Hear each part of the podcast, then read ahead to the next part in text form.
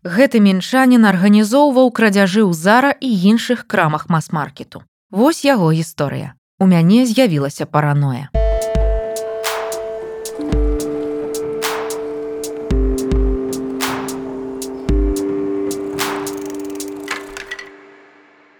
Калісьці адна наша гераіня, супрацоўніца папулярнай крамы мас-маркету, расказала, што ўсе супрацоўнікі ведаюць злодзеяў крамы ў твар.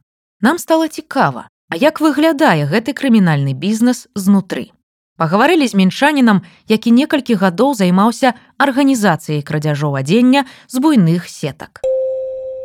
Мікіта. Імя зменена па просьбе героя. 21 год.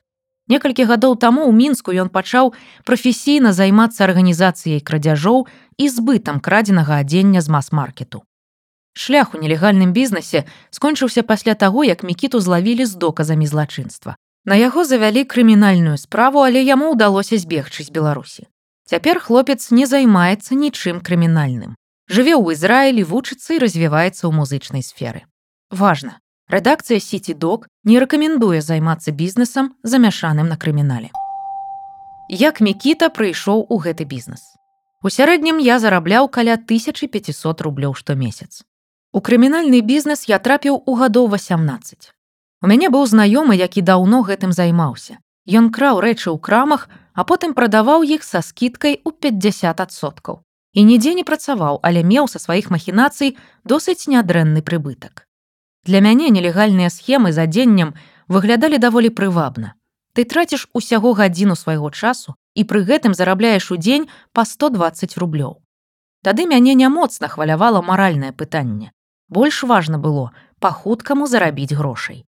Каб менш пэцкаць рукі і радзей браць удзел у саміх крадзяжах, я імкнуўся неяк сістэматызаваць працэс. Схемы выглядалі прыкладна так. Спачатку я шукаў кліентаў з пэўным запытам. Яны скідалі мне фатаграфіі і артыкул патрэбнай ім рэчы ў краме. Далей глядзеў па кошце тавару. Калі заказ быў даражэйшы, чым на 500 рублёў, то ішоў красці сам. У такіх выпадках мне не хацелася дзяліцца чыстым прыбыткам, а рызыка таго каштавала. Для нечага таннага у мяне было некалькі знаёмых, якім я перадаваў запыты ад сваіх кліентаў. А яны ўжо наўпрост займаліся крадзяжом. Яны атрымлівалі свае 50соткаў ад кошту тавару. А каля 10-20соткаў я пакідаў сабе, пры гэтым мінімальна беручы ўдзел у схеме. У выніку ўсё было на мазі. Прыбытак залежаў ад сезона. Самым прыбытковым было лета, пачатак вясны і час перад новым годам.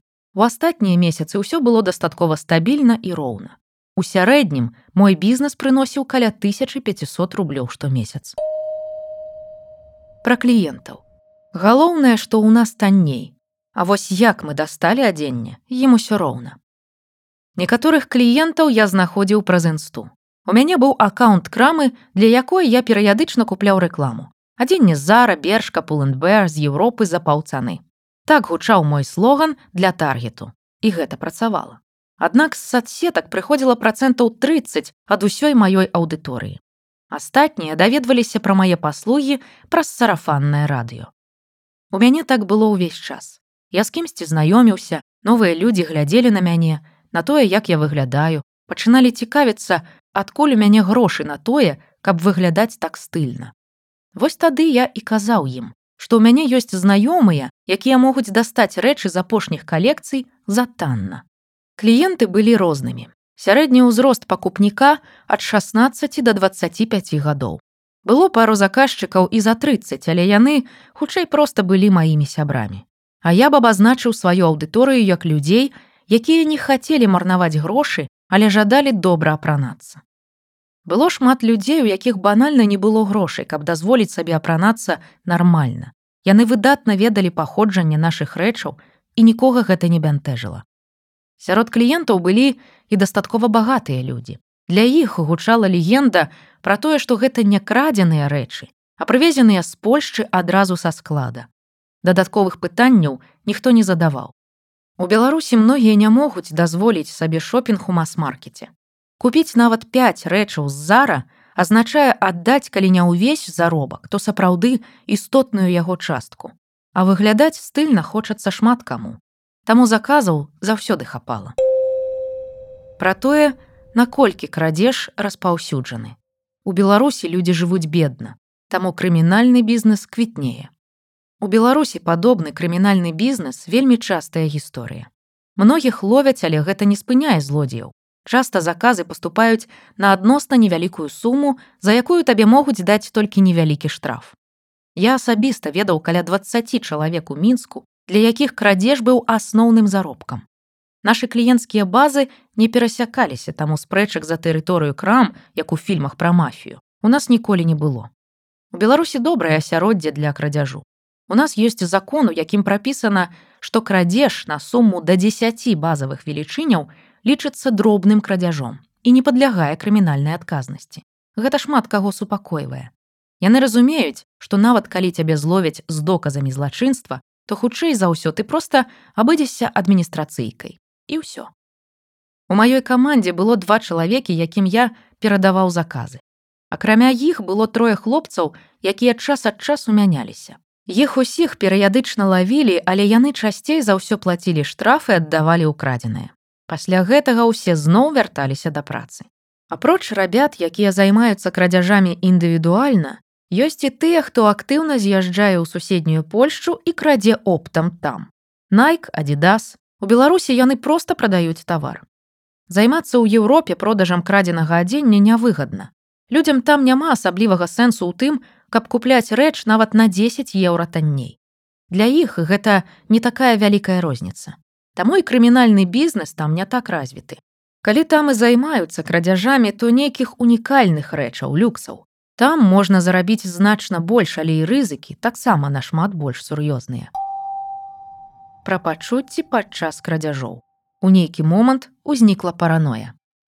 Першы крадзеж я здзейсніў, калі быў на шопінгу разам з маім прыяцелем, які ўжо даўно да мяне сур'ёзна займаўся гэтым бізнесам. Першапачаткова я просто павінен быў адцягваць увагу супрацоўнікаў, набраць кучу рэчаў і адну з іх потым перадаць майму сябру. Так выйшла, што на адной з іх не было магніта. Я падумаў, які поспех і проста сышоў з крамы. Пасля першага крадзяжу я адчуў адрэналін і эйфарыю. Пасля яны змяніліся на страх і параною, якія я адчуваў практычна заўсёды. З аднаго боку я разумеў, што наўрад ці мяне хтосьці зловіць. У нейкі момант крадзеж уваходзіць у звычку, і ты не бачыш у гэтым чагосьці страшнага. Я ўспрымаў крадзяжы выключна як бізнес. Думаў, раз нехта не можа абараніць сваю ўласнасць, то чаму я не магу гэтым скарыстацца? Затым з'явіліся надакучлівыя думкі пра тое, што мяне вось-вось павінны злавіць і пакараць. Цікава, што яны з'явіліся пасля таго, як я вынес ужо шмат рэчаў з крамаў. Разам з гэтым ліпкім жахам быць злоўленым, падчас сваіх вылазак я пачаў паводзіць сябе больш бесклапотна. Не ведаю, чаму было менавіта так. У той перыяд я пачаў заўважаць на вуліцах людзей з напружаным і спалоханым поглядам. Упэўнены, што я выглядаў гэтаксама. Бегаючыя вочы, нездаровы выгляд, увесь час потныя далоні ад стрэсу. Па адным знешнім выглядзе я тады мог спакойна вылічыць у натоўпе калег па крымінальных справах пра крыміналку. Мяне прывялі ў камеру, дзе ўжо сядзеў адзін з маіх калег. Злавілі мяне падчас выканання аднаго з заказаў. Кліенту патрэбны былі не надта дарагія рэчы, але іх было шмат, таму паехаў у краму сам. Усё ішло спакойна і добра да моманту, пакуль на выхадзе ў мяне не запішчалі магніты. Аднак супрацоўнікі зрабілі выгляд, што не звярнулі на гэта ўвагу. І я проста сышоў. Пасля вылазкі я настолькі расслабіўся, што вырашыў паесці ў тым жа гандлёвым цэнтры, дзе і краў. На выхадзе з рэстарана мяне спыніла міліцыя і пачала са мной разборкі. Крадзенага было болей, чым на 10 базавых. Так на мяне завялі крыміналку. Далей адвезлі на акрэсціна на трое сутак, а пасля выпусцілі пад падпіску аб нявыездзе. Чакаць, пакуль пасадзяць я не стаў. Прыяцелі дапамаглі хутка з'ехаць з Беларусі. Было нечакана ў камеры і чу сустрэць свайго знаёмага, з якім я неяк працаваў разам на крадзяжах. У камеры насупраць сядзеў яшчэ адзін мой калега. Далей па калідоры яшчэ два. На паверх ніжэй тры. Палітычныя сукамернікі да прычыны майго затрымання ставіліся нейтральна. Не асуджалі, але пыталіся, навошта я займаўся крадзяжамі. Я адказваў проста: грошы. Усе разумелі. Пра планы. Цяпер у мяне ў прыярытэце свабода. Пасля затрымання я перастаў займацца крадзяжамі. Па-першае, зразумеў, наколькі моцна даражу свабодай. Мне не хочацца больш рызыкаваць ёю, нават дзеля адносна лёгкіх грошай.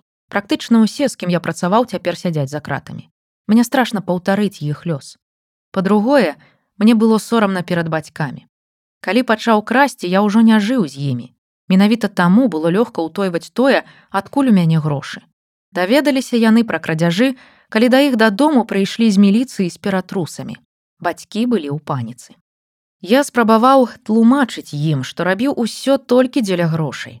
Яны гэтага так і не зразумелі. Тата крычаў, мама плакала. Пасля мы доўгі час проста не размаўлялі. Здаецца, яны даравалі мне. Мы не бачыліся з таго часу, як я з'ехаў з Беларусі.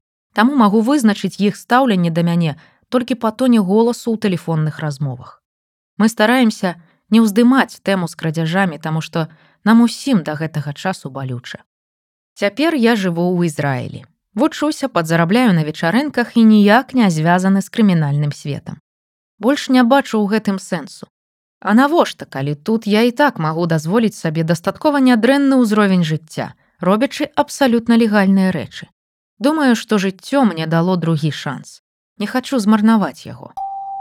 А вось што пра гэту гісторыю думае юрыстка. Вялікая колькасць крадзяжоў сапраўды звязана з нізкім узроўнем жыцця ў краіне. Так, герой дакладна трактуе артыкулы крымінальнага і адміністрацыйнага кодэксаў, кажа Аркадія, імя зменена па просьбе гераіні.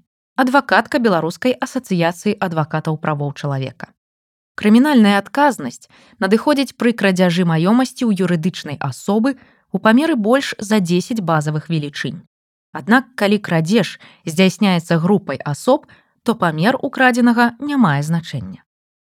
Апісаная хлопцам сітуацыя, у якой ён быў затрыманы, падпадае пад прыкмету складу злачынства, прадугледжанага часткай першай артыкула 205 крымінальнага кодекса. За гэта яму можа пагражаць адно з некалькіх пакаранняў. Грамадскія работы, штраф, папраўчыя работы на тэрмін да двух гадоў, арышт ад аднаго да трох месяцаў, абмежаванне волі на тэрмін да трох гадоў, пазбаўленне волі на тэрмін да трох гадоў. Немагчыма дакладна сказаць, ці пагражае мікіту крымінальны пераслед нават за мяжой. З расказу героя незразумела, ці было яму прад'яўлена падазрэнне або абвінавачанне. І ці аб'яўляўся ён у вышук у сувязі з тым, што схаваўся ад крымінальнага пераследу. Відавочна, што зараз сувязь беларускіх праваахоўных органаў з інтэрполам наконт выдачы злачынцаў, якія знаходзяцца ў вышуку, вельмі цяжкая. Можна меркаваць, што катэгорыі магчымых злачынстваў героя не настолькі сур'ёзныя, каб сілавікі Беларусі былі зацікаўленыя ў яго пошуку і перадачы. Разам з тым тэрміны даўнасці прыцягнення да крымінальнай адказнасці за крадзеж не мінулі. Я мяркую, яны прыпынены ў сувязі з пераездам героя. Крадзеж адно з самых распаўсюджаных злачынстваў у Беларусі. Такая сітуацыя захоўваецца не адно дзесяцігоддзе.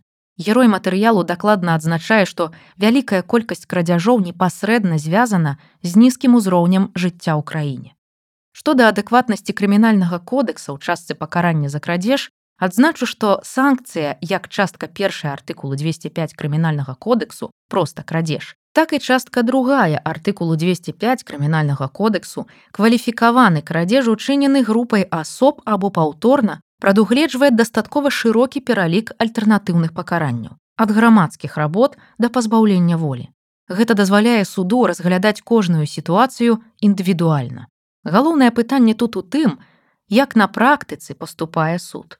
Калі звярнуцца да статыстыкі, то можна ўбачыць вельмі высокі ўзровень рэцыдываў у Беларусі, асабліва ў частцы крадзяжу маёмасці.